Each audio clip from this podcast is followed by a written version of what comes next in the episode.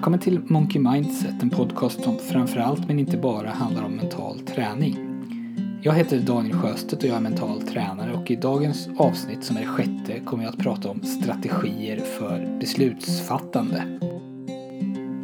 Jag ska visa hur du kan tänka och agera för att undgå den där chipspåsen mitt i veckan och så ska jag ge dig en strategi som kommer att göra det mycket enklare att komma ut i löpspåret eller att komma iväg till gymmet. För som du säkert vet så räcker det ofta inte med att veta vilket beslut du bör fatta utan det som betyder något är huruvida du lyckas att fatta beslutet i just den stunden det behöver fattas. Och det är sådana här beslut jag tänker prata om idag. Sånt som du kanske gör utan att du egentligen vill göra det eller sånt som du inte gör trots att du vill få det gjort. För att ge ett exempel så vet du förstås att du inte borde öppna den där chipspåsen klockan halv elva en tisdagkväll. Ändå så gör du det. Det beslut du borde fatta, alltså nej, är egentligen självklart. Du vet ju både hur du inte äter chips och varför du inte borde äta chips. Men i stunden, i det skarpa läget lyckas du inte utan du faller för det omedelbara begäret. I förra podden, den som handlade om FOMO, rädslan att missa något, så nämnde jag det här i en bisats. Jag sa att du behöver en långsiktig strategi för dina beslut. Att du inte skulle behöva fatta varje beslut i stunden. Jag har blivit ombedd att förklara det lite närmare, så det är det jag kommer göra idag. Och innan jag börjar så vill jag vara tydlig med att det här med att fatta beslut, att få saker gjort eller att bryta vanor kan vara väldigt komplicerat. För ofta är det ju inte så enkelt som att bara säga gör så här istället för så där så löser sig problemet.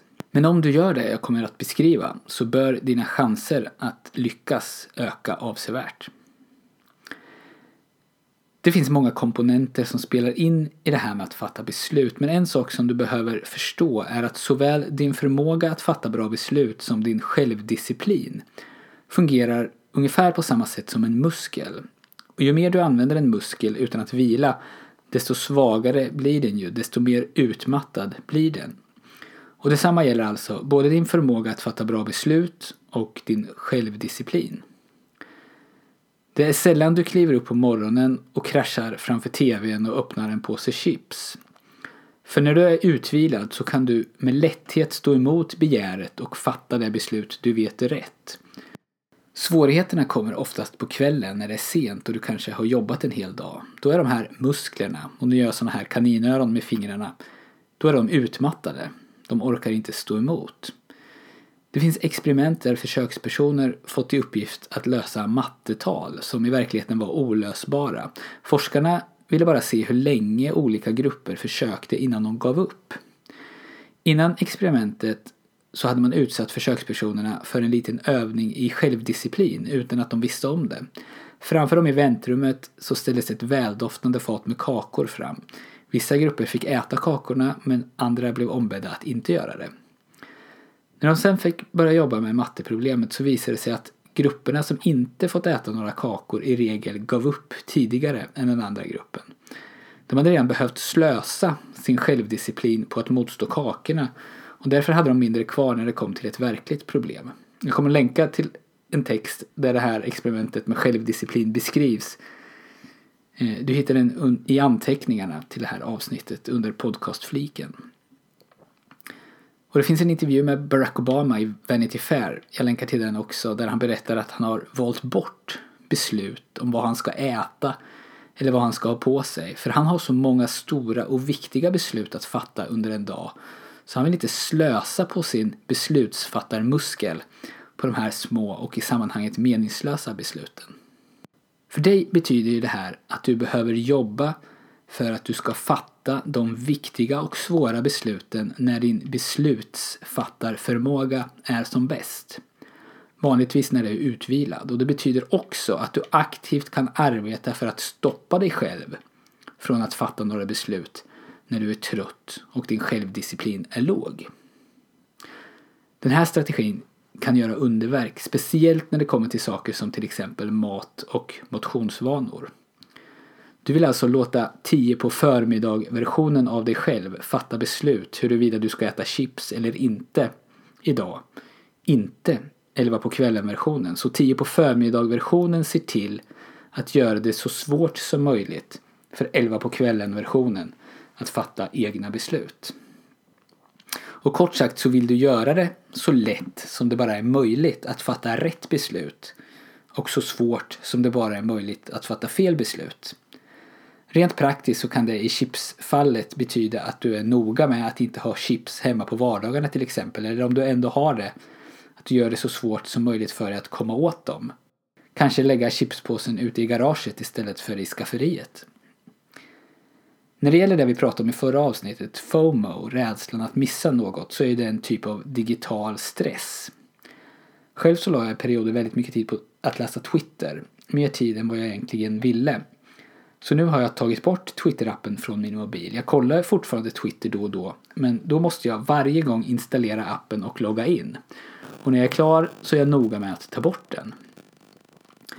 Jag har alltså medvetet försvårat för mig själv och min tid på Twitter har minskat med mer än 90%. Det är ju inte svårt egentligen att installera appen utan sammanlagt så tar det här bara en minut. Men den här minuten som det tar fungerar både som ett filter och ett hinder. Dels så är det lite jobbigt och det har effekt i sig. Men dels så sker det heller inte bara av automatik utan beslutet att läsa Twitter behöver vara medvetet. Så återigen, gör det så lätt som möjligt att göra det du vill och så svårt som möjligt att göra det du inte vill. Och med lite fantasi så finns det massor att göra här. En annan sak som du kan använda till din fördel är det här med motivation och hur motivation egentligen fungerar i vissa lägen. Om vi till exempel pratar om träning och motion, att ta sig ut och springa eller att åka till gymmet och göra ett spinningpass. När är det du behöver som mest motivation? Jo, vanligtvis är det inte när du står på gymmet och det är två minuter kvar till passet ska börja eller när du precis har börjat jogga och är 50 meter hemifrån. Där det kräver mest motivation eller mest viljestyrka är innan du ens har kommit igång. Det är så lätt att bli kvar i soffan eller att skjuta upp tills imorgon eftersom det är så mycket att göra idag. Det känns jobbigt att snöra på sig skorna eller att packa väskan eller att lämna det du håller på med. För vi har skapat en bild inom oss hur det kommer att vara när vi tränar. Och det är här, innan själva utförandet, det mesta av motståndet finns. För när vi väl har tagit oss utanför ytterdörren med löparskorna på eller när vi kliver in på gymmet så är nästan allt av den här jobbiga motivationsdelen redan gjord. Så det svåra är alltså inte att träna, det svåra är att ta sig ut genom ytterdörren. Och när du tänker efter så är ju det inte alls svårt, det är ju jättelätt. Men tankefiguren du målar upp runt träning hindrar dig från att ens komma iväg. Och du kan använda det här på följande vis. Kräv inte av dig själv att du måste träna. Kräv istället bara att du ska komma igång. Att du ska komma ut genom ytterdörren och jogga 200 meter till exempel. Att du bara ska ta dig till gymmet och dra kortet. Ditt mål är alltså bara att komma igång. Och samtidigt så använder du den första strategin och gör det så lätt som möjligt att komma igång. Gymväskan är redan packad och väntar vid ytterdörren till exempel. Och när du väl har uppfyllt målet så har du gjort det du ska. Då är det okej okay att vända hem igen. Och du förstår förstås att det som kommer att hända här det är att du nästan jämt kommer att träna ändå. För att om du bara lyckas komma så här långt så är de största hindren redan övervunna. Men det är viktigt att det verkligen är okej okay att vända att inte träna så länge du har gjort det som var målet. Annars så kommer det här motståndet att komma tillbaka.